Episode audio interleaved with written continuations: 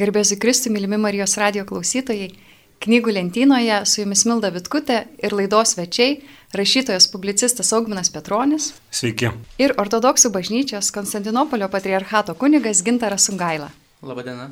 Kalbame apie katalikų pasaulio leidinių knygą Marcelino D'Ambrozijo, kai bažnyčia buvo jauna. Knyga nėra naujai išleista, mes tęsime laidų seriją Senos geros knygos arba senesnės geros dėmesio vertos knygos ir sugrįžtame prie šios, kuri kalba apie ankstyvąją bažnyčią, bažnyčios tėvų akimis. Tad klausimas jums abiems, mėly laidos svečiai, kodėl 2023 metais skaityti knygą apie ankstyvąją bažnyčią?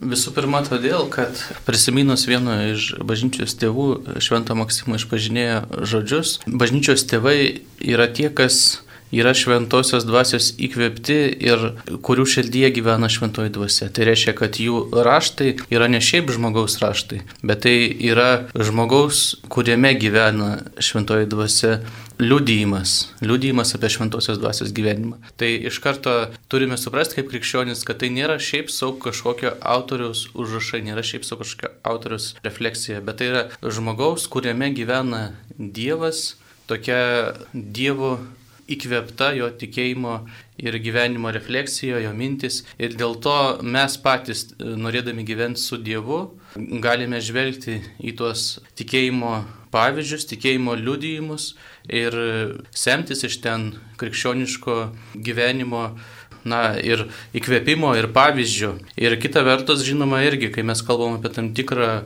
šaltinį, netgi taip grinai racionaliai pasižiūrėjus, jeigu kažkas buvo seniai ir mes norime prisiliesti prie ištakų, tai kad paliestumėm ištakas, turime pirmiausiai pasižiūrėti į ankstyviausius liudytojus. Tai štai ir Jėzus Kristus savo mokymą perdavė apaštalams, o apaštalai perdavė bažnyčios tėvam. Ir bažnyčios tėvai yra ankstyviausias tas bažnyčios tikėjimo liudijimas po Kristaus Kristaus ir apaštalų. Aš tai galiu taip e, pasakyti, kad e, aš turbūt esu visai, visai kitoks skaitytojas negu kunigas Ginteras, nes aš, e, aš šiaip neturiu jokio išsilavinimo, kuris kažkaip būtų specifiškai susijęs su bažnyčios tėvais. Aš turbūt esu labiau panašus į tą skaitytoją, kuris, kuriam ta šita knyga buvo skirta, nes man atrodo, kad tai yra toks trumpas įvadas žmonėms, kurie nieko nėra girdėję, nu, arba labai mažai yra girdėję ir beveik nieko nežino apie bažnyčios tėvus. Aš paėmiau šitą knygą, nes dažnai skaitydamas ką nors kitą ar kažkokią dvasinę literatūrą ar, ar popiežiaus Benedikto XVI knygas ar, ar kažkada paskaitose, ten, kai studijavau universitete, esu per, per filosofijos paskaitas esu girdėjęs apie bažnyčios tėvus. Labai mažai žinojau apie tai, kas jie yra. Tiesa, buvau ten perskaitęs gal Švento Augustino išpažinimus, kai kai paėmiau šitą knygą į rankas, bet e, šiaip kažkokių tokių žinių beveik kaip, kaip, ir, kaip ir neturėjau. Ir aš paėmiau tiesiog iš, iš tokio smalsumo, kad supratimo, kad tai yra kažkas, kažkas svarbaus, turbūt iš esmės dėl tų priežasčių, kurias kunigas Gintaras taip gražiai suminėjo, dėl to, kad supranti, kad tai, tai yra pačios seniausios mūsų tradicijos, kurios mes manom, kad esam teisėjai, kur, kurios esam teisėjai, ištakos po Kristaus yra paštalų. Tai va, tai man buvo labai įdomu, aš su tikrai visai smagiai perskaičiau tą knygą ir labai džiaugiuosi, kad šiandien galim apie pašnekėti daugiau. Pati prie jūsų pridėčiau, kad man pačiai, kodėl atrodo, kad verta skaityti šią knygą apie ankstyvąją bažnyčią, nes gana dažnai girdime, turbūt nuo protestantizmo laikų, kad katalikų bažnyčia prigalvojo visokių doktrinų, kurių anksčiau nebuvo. Arba iš nebūtinai kitų krikščioniškų atšakų, bet ir iš netikinčių žmonių, kad čia bažnyčia dabartinė apaugo visokiais nereikalingais dalykais, tikėjimais, kurių anksčiau nebuvo. Ir tada skaitai bažnyčios tėvus ir va čia knygą, kurioje pristatomas kiekviename skyriuje vis kažkoks kitas, kaip aš sakau, atvejis arba žmogus arba veikalas. Ir mes ten randam citatų, kurios kalba, kad Jėzaus dieviškumu tikėjo nuo pat pradžių. Euharistija, kad tai yra tikras Kristaus kūnas, tikėjo nuo pat pradžių. Tai man atrodo, kad ji padeda išblaškyti šituos mitus, kuriuos mes dažnai girdim kartojant. Turbūt svarbu pasakyti, kad bažnyčios tėvų tekstai, ne visi jie buvo visą laiką žinomi bažnyčiai. Žinomi, kad jie yra, bet dalis jų nebuvo prieinami, jie buvo dingę kažkur užslėpti arba tiesiog pamiršti. Ir ši knyga autoriai buvo impulsas parodyti žmonėms, kokia buvo ankstyvoji bažnyčia, kaip jie atrodė ir duoti argumentus į, į kaltinimus katalikų bažnyčiai, kad ji kažką lik ir iškraipė, bet ankstyvoje bažnyčiai to nebuvo. Tai man šita knyga labai svarbi, kad ji padeda pažinti ne tik tai žmogų, kuris tuo metu gyveno, kuris buvo paštalų mokinys, taigi mokėsi, galėtume sakyti, prie paštalų kojų, bet ir kokia buvo bažnyčia, kokia aplinkoje gyvena, nes iš tos knygos pamatom, kad kiekvienas autorius, rašydamas, pavyzdžiui, laišką kam nors, atsako arba duoda atsakymą į kažkokią problemą ar situaciją, kuri kilo tuo metu. Tai man tai yra na, proga geriau pažinti ankstyvąją bažnyčią. Aš dar norėčiau pridurti, kad kalbant apie protestantizmą, vienas iš įdomių tokių istorinių faktų yra tas, kad iš tikrųjų reformacijos e, tėvai kaip tik labai, e, sakyčiau, pakankamai su pagarba ir sudomėjimu žvelgia į bažnyčios tėvų raštyje. Ir e, savo laiku aš buvau labai nustebęs, kai Wittenberge reformacijos muziejuje pamačiau Melanktono užrašus ir Melanktono užrašuose buvo daugybė graikiškųjų bažnyčios tėvų citatų senąją graikų kalbą. Kitaip tariant, daug kas iš tiesų reformacijos laikais, jie savo kaip ir tokią misiją, klausimas kaip paskui protestantizmas vystėsi ir tai žiūrėjo, bet iš dalies jie savo misiją matė ankstyvosios bažnyčios praktikų atkūrimą. Taip jie suprato, ką jie daro. Ir šią prasme, kadangi daugybė tų, sakykime, tokių tradiciškesnių protestantų konfesijų, kadangi jos vis dėlto pripažįsta irgi bažnyčios tėvų palikimą, tai kalbėdami apie pirmąjį tūkstantį, tūkstantmetį mes kalbame apie tą laiką bažnyčios, kai viena vertus nebuvo schizmos tarp katalikų ir ortodoksų ir tai buvo viena bažnyčia, o kita vertus mes kalbame ir apie laiką, kuris bent jau buvo įkvėpimas daugybei e, pirmųjų protestantų. Ir tam tikrą prasme tai yra laikas, kai, na, turbūt beveik niekas iš krikščionių, nesvarbu kokios konfesijos bebūtų, negalėtų pasakyti, kad štai koks nors šventas Ignotas Antiechietis, jis neteisus yra rašydamas taip ar kitaip, nes rašo paštalo Jono mokinys. Ir faktiškai visiems e, krikščionim tai yra autoritetinga, autoritetingas laikas. Ir ta prasme tai toksai yra laikas, per kurį e, galima tiesti e, ir tiltus, ir susikalbėti, e, gilinantis į tuos ankstyvosius šaltinius. Kita vertus, jau Milda paminėjote, kad mane kaip ortodoksą šiek tiek nuvylęs knygos aspektas, kad vis dėlto jį orientuota į katalikus. Ir labai aiškiai jos tokia struktūra, planas, kad prasideda nuo Romos vyskupo Klemenso laiško, baigėsi popiežimi Grigaliu Vitalijumi didžiuoju, o ne tarkime Jonu Damaskiečiu, kas yra patristikos pabaiga.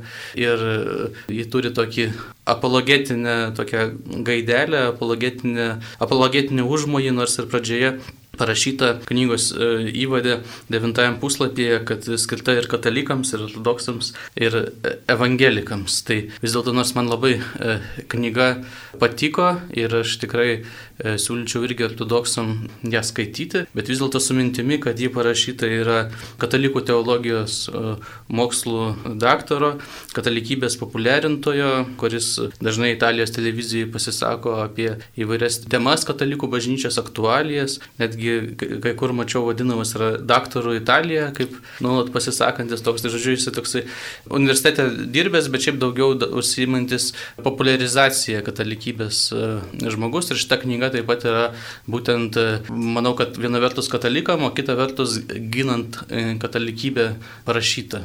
Taip, tai yra apologetinė knyga, gal ne taip tiesiogiai, negalėtume sakyti, kad tiesiogiai tokia yra, bet man tai atrodo kuo įdomi to, kad kaip sakė Augminai, kad kaip nespecialistų jį yra perskaitama. Tai labai trumpai apie autorių, kad Jis savo gyvenime, pirmojo profesija tai buvo muzikantas, grojo tokią populiarią muziką, kūrė daino žodžius, žodžių instrumentalistas, dainų autorius ir daug kalbantis nuo scenos. Jis kaip pats pasakoja, mano jaunystė praėjo šūkojant nuo scenos miniom žmonių ir su jais bendraujant tokiu būdu. Ir sako, Ir aš tą bandau išlaikyti, rašydamas knygas, kad kalbėti su žmonėm paprastai.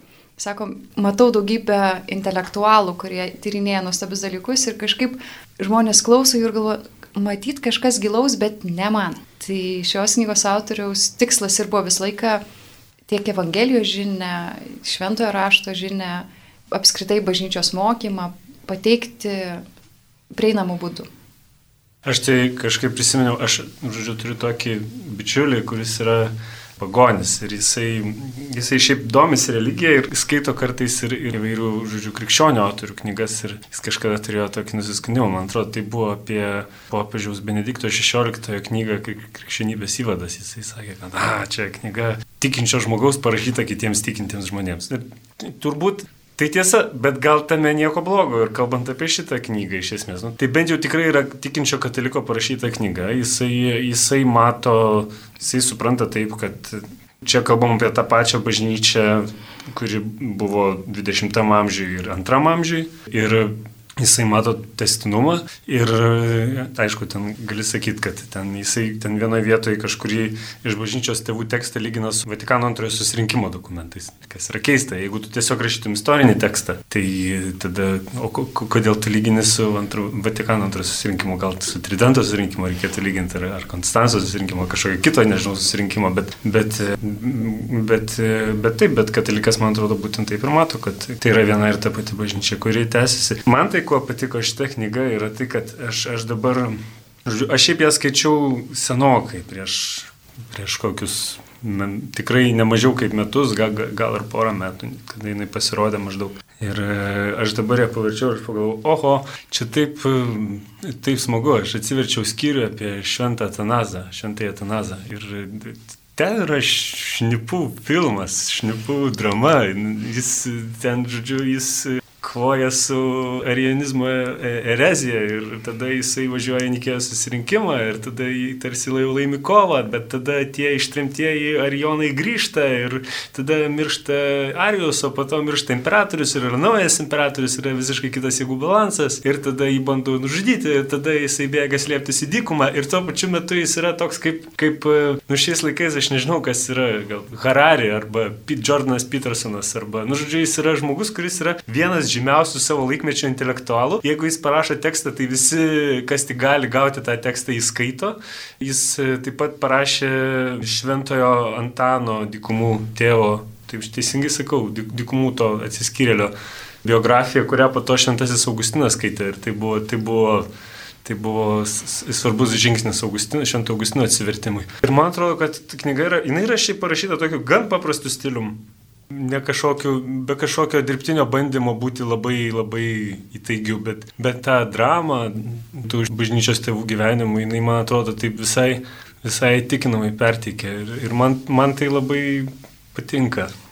Man taip pat tokie gyvi įsiminė pasakojimai, turbūt viena iš istorijų, kurią aš atsimenu pats dažnai e, iš šitos knygos, tai jis e, aprašo Švento Ambraziejaus gyvenimą ir ten buvo toksai epizodas, aš jau ten detalių neatsimenu, bet kai irgi buvo doktrininis konfliktas ir jisai sutikinčiaisiais užsibarikadavo bažnyčiai ir ten gėdojo gesmes ir parašė naujų gesmių ir visą kitą. Ir tai taip vaizdingai šitas autorius aprašo, kad kažkaip tas momentas netgi taip įstrigo įstrigo toksai kaip jaudinantis iš knygos. Ir iš tikrųjų tokių epizodų daug, labai gražiai literatūriškai bažnyčios tėvų gyvenimo ir mokymo tie momentai sujungiami į tokį ryšlų pasakojimą. Tai labai įtraukia. Aš šitą knygą taip skaičiau per porą prisėdimų, taip įsitraukdamas, negalėdamas sustoti, verčiau puslapį po puslapio. Tikrai labai, kaip aš paauglystėje skaičiau taip pat Harry Potterį.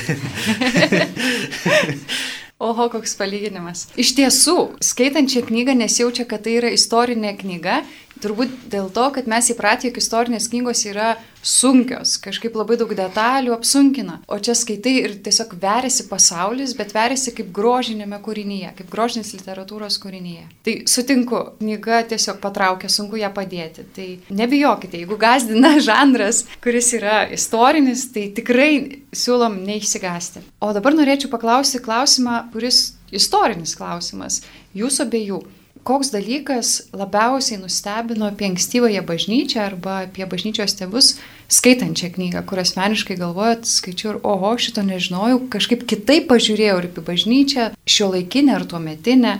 Žinoma, čia toks, galėtume sakyti, nelygiai vertis klausimas. Vasėdi kunigas Gintaras, kuris tyrinėja patristiką, čia yra jo baseinas, kuriame jis nuolat plaukia. Ir tada sėdi Augminas, kuris tiesiog norėjo labiau susipažinti. Ir tai čia yra pirma knyga apie bažnyčios tėvus, kurią aš šešis perskaičiau gyvenime. Taip, šitai žinodama labai samoningai ir klausiu, man įdomu, ką pasiema mokslininkas ir ką pasiema pasiema tikintysis, kuris nori susipažinti. Mokslininkas, kuris beje irgi yra tikintis. Tai aš tai kažkaip e, dabar paskutinį kartą vartant tą knygą aš supratau, kad e, aš kažkaip turėjau tokį labai įsivaizdavimą, kad ta ankstyvoji bažnyčia buvo maža grupelė, kur, e, kur, kur jie kažkur buvo susibūrę, taip pusiau pogrindyje ir, ir turbūt buvo tokių etapų, kai buvo persikėjimo etapai ir, ir, jie, ir, ir krikščionys turėjo gyventi pogrindyje ar, ar kažkaip savo tikėjimą praktikuoti pogrindyje, bet kas mane nustebino, aš taiga supratau, kad kad e, bent kai kurie iš tų bažnyčios tėvų, kurie rašė tekstus, buvo madingi savo laiko autoriai. Man, aš čia jau sakiau, kaip, kaip Jordanas Petersonas, kaip Harari, kaip, aš nežinau, Andrius Užkalnis Lietuvoje arba, arba, arba kažkas, kas, kas tikrai rašo tekstus, kuriuos žmonės e, skaito. Aišku, tuo metu situacija biški buvo kitokia, nes ir, ir mažiau žmonių buvo išsilavinę, mažiau žmonių mokėjo skaityti, nebuvo interneto, kur gali, kur kas nors Amerikoje parašo tekstą ir mes iškart galime jį perskaityti, arba nebuvo spausdinimo, tai reiškia, kad visus tekstus reikėjo perrašyti ranka. Jeigu tekstai plisdavo, tai reiškia, kad žmonės dėdavo daug pastangų, kad pasidarytų nuorašus ar padarytų kažkam kitam nuorašus, kad kuo daugiau žmonių galėtų perskaityti. Tu paklausai, kas nustebino, tai aš kažkaip pagalvojau apie šitą dalyką. Man šitoje knygoje turbūt apskritai va, tas vienas momentas, kuris patiko, būtent kaip visą tai papasakojama, taip sakant, kūrybiškai ir toksai panoraminis vaizdas duodamas, uh, pasakant apie visus bažnyčios tėvus, juos susijęjant ir taip toliau. Ir, uh, na, man atrodo, kad tokios knygos lietuvių kalba labai reikėjo kuri taip populiariai ir susijančiai tėvus papasakotų ir tai buvo viena iš priežasčių man tokia suintrigavusi skaitimui, nes buvo įdomu, galbūt čia vat, būtent tokia būtų knyga, kuri tokį ryšlų įvadą duoda ir iš tikrųjų aš e, tą čia ir radau. O kita vertus, aišku, e, kas taip buvo įdomu ir netgi strigo, kad būtent e, autorius kartais atkreipia dėmesį į kai kurių bažnyčios tėvų kūrybos tokias mokymo detalės, kurios man galbūt pačiam neužkliuvo skaitant būtent ir, nes bažnyčios tėvai iš tikrųjų rašė labai daug, tai graikų kalba vien yra e, virš šimto tomų, jeigu neklystu, 120 tomų patrologija greka ir dar yra latinų kalba, ir dar yra artimų ir tolimų rytų kalbomis, e, syrų, pavyzdžiui, kalba ir taip toliau. Tai iš viso tai yra 3-400 e, tomų ir viso to perskaityti tiesiog vienam žmogui, nežinau, gal kur nors Vokietijoje yra koks nors pamišęs profesorius, kuris viską perskaitė ir jau senatvėje gali apibendrinti kas visuose tomuose parašyta. Tai štai dėl to, kad visada yra galimybė ištraukti kažkokius e, tokias įdomias detalės ir įdomus e, momentus. Ir, e, tai, va, tai pavyzdžiui, man kažkaip, tai va, jeigu, taip sakant, kas pirmiausiai šauna į galvą, tarkim, ką aš niekada nekreipiu dėmesio, o čia kažkaip įstrigo perskaičius šitą knygą, tai tarkim yra Klemenso Aleksandriečio interpretacija Kristaus žodžių, du, e, kur du ar trys susirenka mano vardu, ten aš esu tarp jų. Ir čia atkreipia dėmesį šio laikiniam, taip sakant, tam kontekste, šeimos tematikoje, kad štai Klemensas jisai interpretuoja šitos žodžius kaip kalbančius apie vyrą, žmoną ir vaiką susirinkę e, Kristus vardu, e, na, taip, ką Jonas Oksaburinis paskui vadina mažąją bažnyčią. Tai štai, bet kažkaip tai Klemensą e, skaitant niekada neužkliuvo už to akis, o štai šitas autorius į tai atkreipė dėmesį, susijęs su dabartimi ir tai man taip asmeniškai palėtė ir dažnai prisimenu šitą citatą labai gražią. Mane dar kas e, tikrai nustebino, tai kad aš tai žinojau, bet aš kažkaip nebuvau to taip į tai taip tikrai atkreipęs dėmesio ir kažkaip to apmastęs ir suvokęs, kaip kai kurie iš tų bažnyčios tėvų neįtikėtinai arti buvo tiesiog laikė prie paštalų ir Kristaus. Ir kai, kai kurie iš jų pažinojo paštalus. Čia ką tik buvo paminėtas, aš manau, kad čia tas pats šventas Klemensas Romėtis, ar ne? Tai yra neįtikėtina, jeigu žmogus pažinojo šventąjį Petrą, taip kaip aš žinau, pažinau, vat, pavyzdžiui, ką nors iš vyresnės kartos, pavyzdžiui, mano močiutė, kurie atsimena, atsimena antrą pasaulinį karą, ten partizanus ir visus tos įvykius, kurie kažkur jau tarsi nugulė istorijos vadovėliuose, o, o, o jiems tai, tai, yra, tai yra jų istorijos dalis, tai yra jų gyvenimo dalis. Ir, ir tai, kad jie yra palikę rašytinius šaltinius, per kuriuos mus pasiekia tai, ką, ką jie mokė, ką jie galvojo, e, kaip jie žiūrėjo ir, Aišku, kaip krikščionis mes tame matom ir, ir, ir šventosios dvasios veikimą ir Dievo vedimą. Tai, va, tai, tai mane tas kažkaip taip paveikė skaitant. Man įstrikęs dalykas ne tik iš šitos knygos, bet ir iš kitos knygos, kur Marcelino Dambrozija yra bendraautorius Knyga vadinasi, kaip katalikų bažnyčia išgelbėjo vakarų civilizaciją ir turi tą daryti vėl. Čia nauja šiais metais išleista knyga, šiais tai 23-aisiais. Ir tiek anoje knygoje, tiek šitoje autorius parodo, koks yra kontrastas tarp pagonių ir krikščionių. Pavyzdžiui, mes skaitom kokį nors tekstą, kur kaip aprašomi krikščionys, kad, pavyzdžiui, jie sėdi, jie dalinasi stalu, bet ne lova, kad jie nepropaguoja atsitiktinių lytinių santykių, kad neleidžia žudyti negimusio kūdikio ir net naudoti, čia buvo pabrėžta, kaip mes dabar sakytume, kontraceptinių priemonių, kurios vadinamos kerais, bet autors pabrėžia, kad šiaip tai graikiškas žodis yra farma, nu tai vaistai kažkokie, kurie neleidžia prasidėti gyvybė arba kūdikėlį nunuodija dar mamos pilve. Tai koks įdomus dalykas, kad krikščionys buvo labai labai skirtingi savo elgesiu nuo aplinkos, kurioje jie buvo. Ir mums dabar atrodo, kad vat, nuolat matom bažnyčiai, kaip kas nors susimauna iš hierarchų, kažką netai padaro ir tikinčiųjų. Ir ne tik, kad šiaip nuodėmės daro, bet ir nusikaltimus darom. Ir mums atrodo, nu va, bažnyčia tai visiškai supuvusi, sugedusi. Bet iš tikrųjų standartas, kuriuo mes vertiname tiek dabartinę bažnyčią, tiek visuomenės kultūrą ir ypatingai seksualiniais klausimais, tai atėjo iš bažnyčios, kad tokios normos nebuvo. Bažnyčia yra išskirtinė, kuri įvedė tam tikrus dalykus ir kad aplinka, kurioje gyveno pirmieji krikščionys, tad ir bažnyčios tėvai, savo gyvenimo būdu buvo labai priešiška. Tad ne tik tai jų liudijimas, kuris buvo susijęs su Kristumi kaip Dievu ir atsisakymas dalyvauti religinėse peikose. Apskritai, kad religinės apeikos buvo susijętos su tam tikrų gyvenimo būdu, kuriam bažnyčios tėvai aponavo. Aš tai norėčiau sureaguoti, kad iš tikrųjų šią prasme, tai šita knyga galėtų turėti antrą dalį, jeigu šita knyga įparašyta tai pozityviai, ar ne, kaip tokia e, tikėjimo kovų graži istorija, tai iš tikrųjų galima būtų tą pačią istoriją papasakoti ir šiek tiek kitaip. Apie tai, kaip e, tie visi šventieji, didieji bažnyčios tėvai gyveno bažnyčioje, kuri, e, kaip ką tik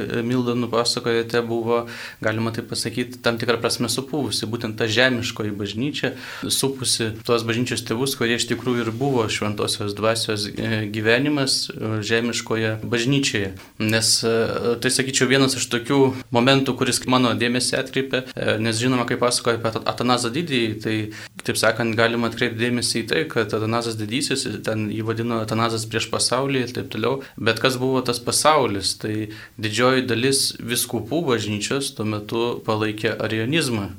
Ir Atanazas, iš pradžių būdamas diakonas Nikėjos susirinkime, paskui būdamas Aleksandrijos vyskupas, e, jis buvo konflikte e, su e, ta žemiškai istorinė bažnyčia, kurį supo Jonas Uksaburnis, kuris buvo ištremtas. Jis viena iš priežasčių sutino visus, kad kritikavo imperatorienę.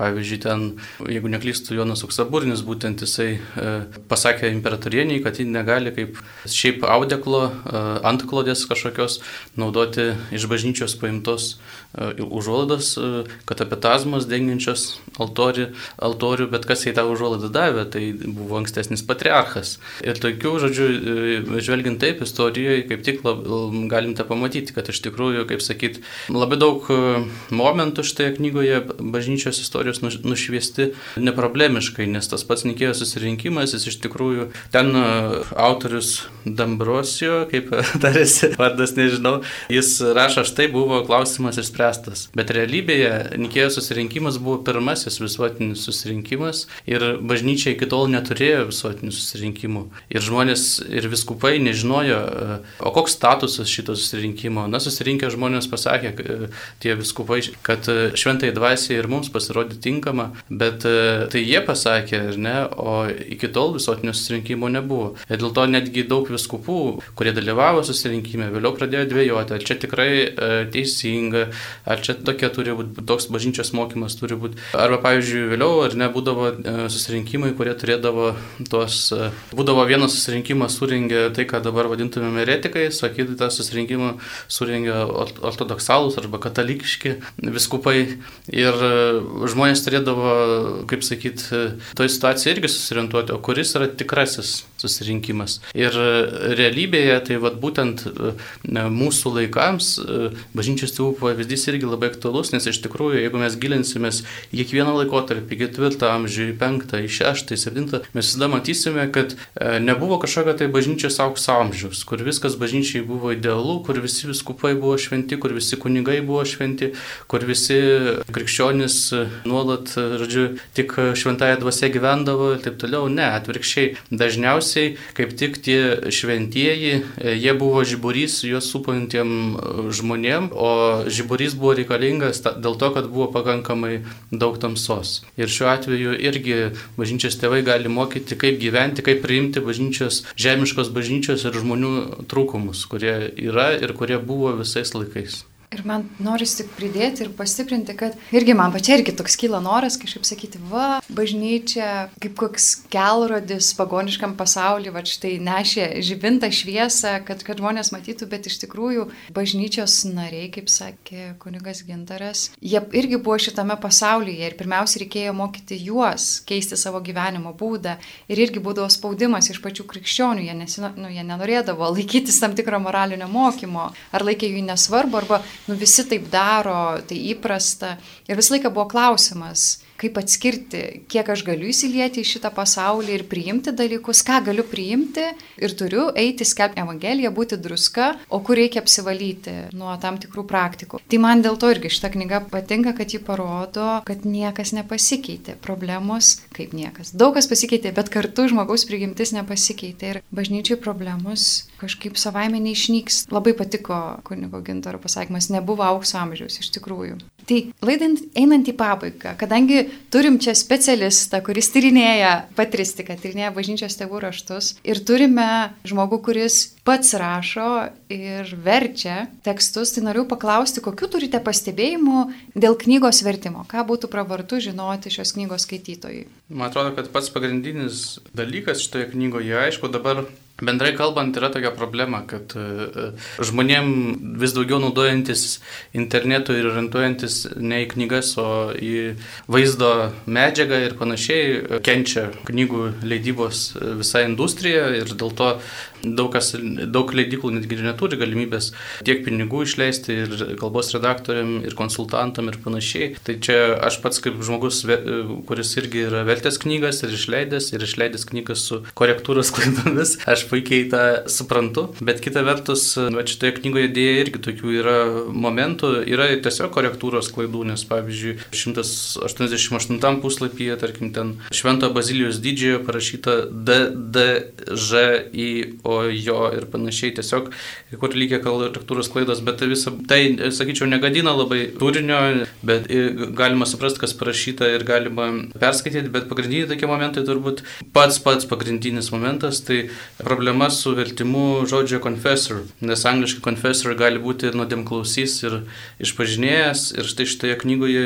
121 e, puslapyje ir toliau, kaip pasakojama Švento Kiprijono kartaginiečio istorija, tai visur e, išpažinėjai yra išversti nuodėmklausiai. Ir štai, pažiūrėjau, citata, visi gerbė nuodėmklausius, jie buvo kupieni šventosios dvasios, ištikimybė kankinimų akivaizdoje, tai įrodė ir taip toliau, taip toliau. Bet iš tikrųjų kalbama apie išpažinėjus, tai yra apie tos, kurie kankinimų akivaizdoje neatsisakė ortodoksalaus tikėjimo ir kurie išpažino tą tikėjimą, dėl to ir vadinasi išpažinėjai.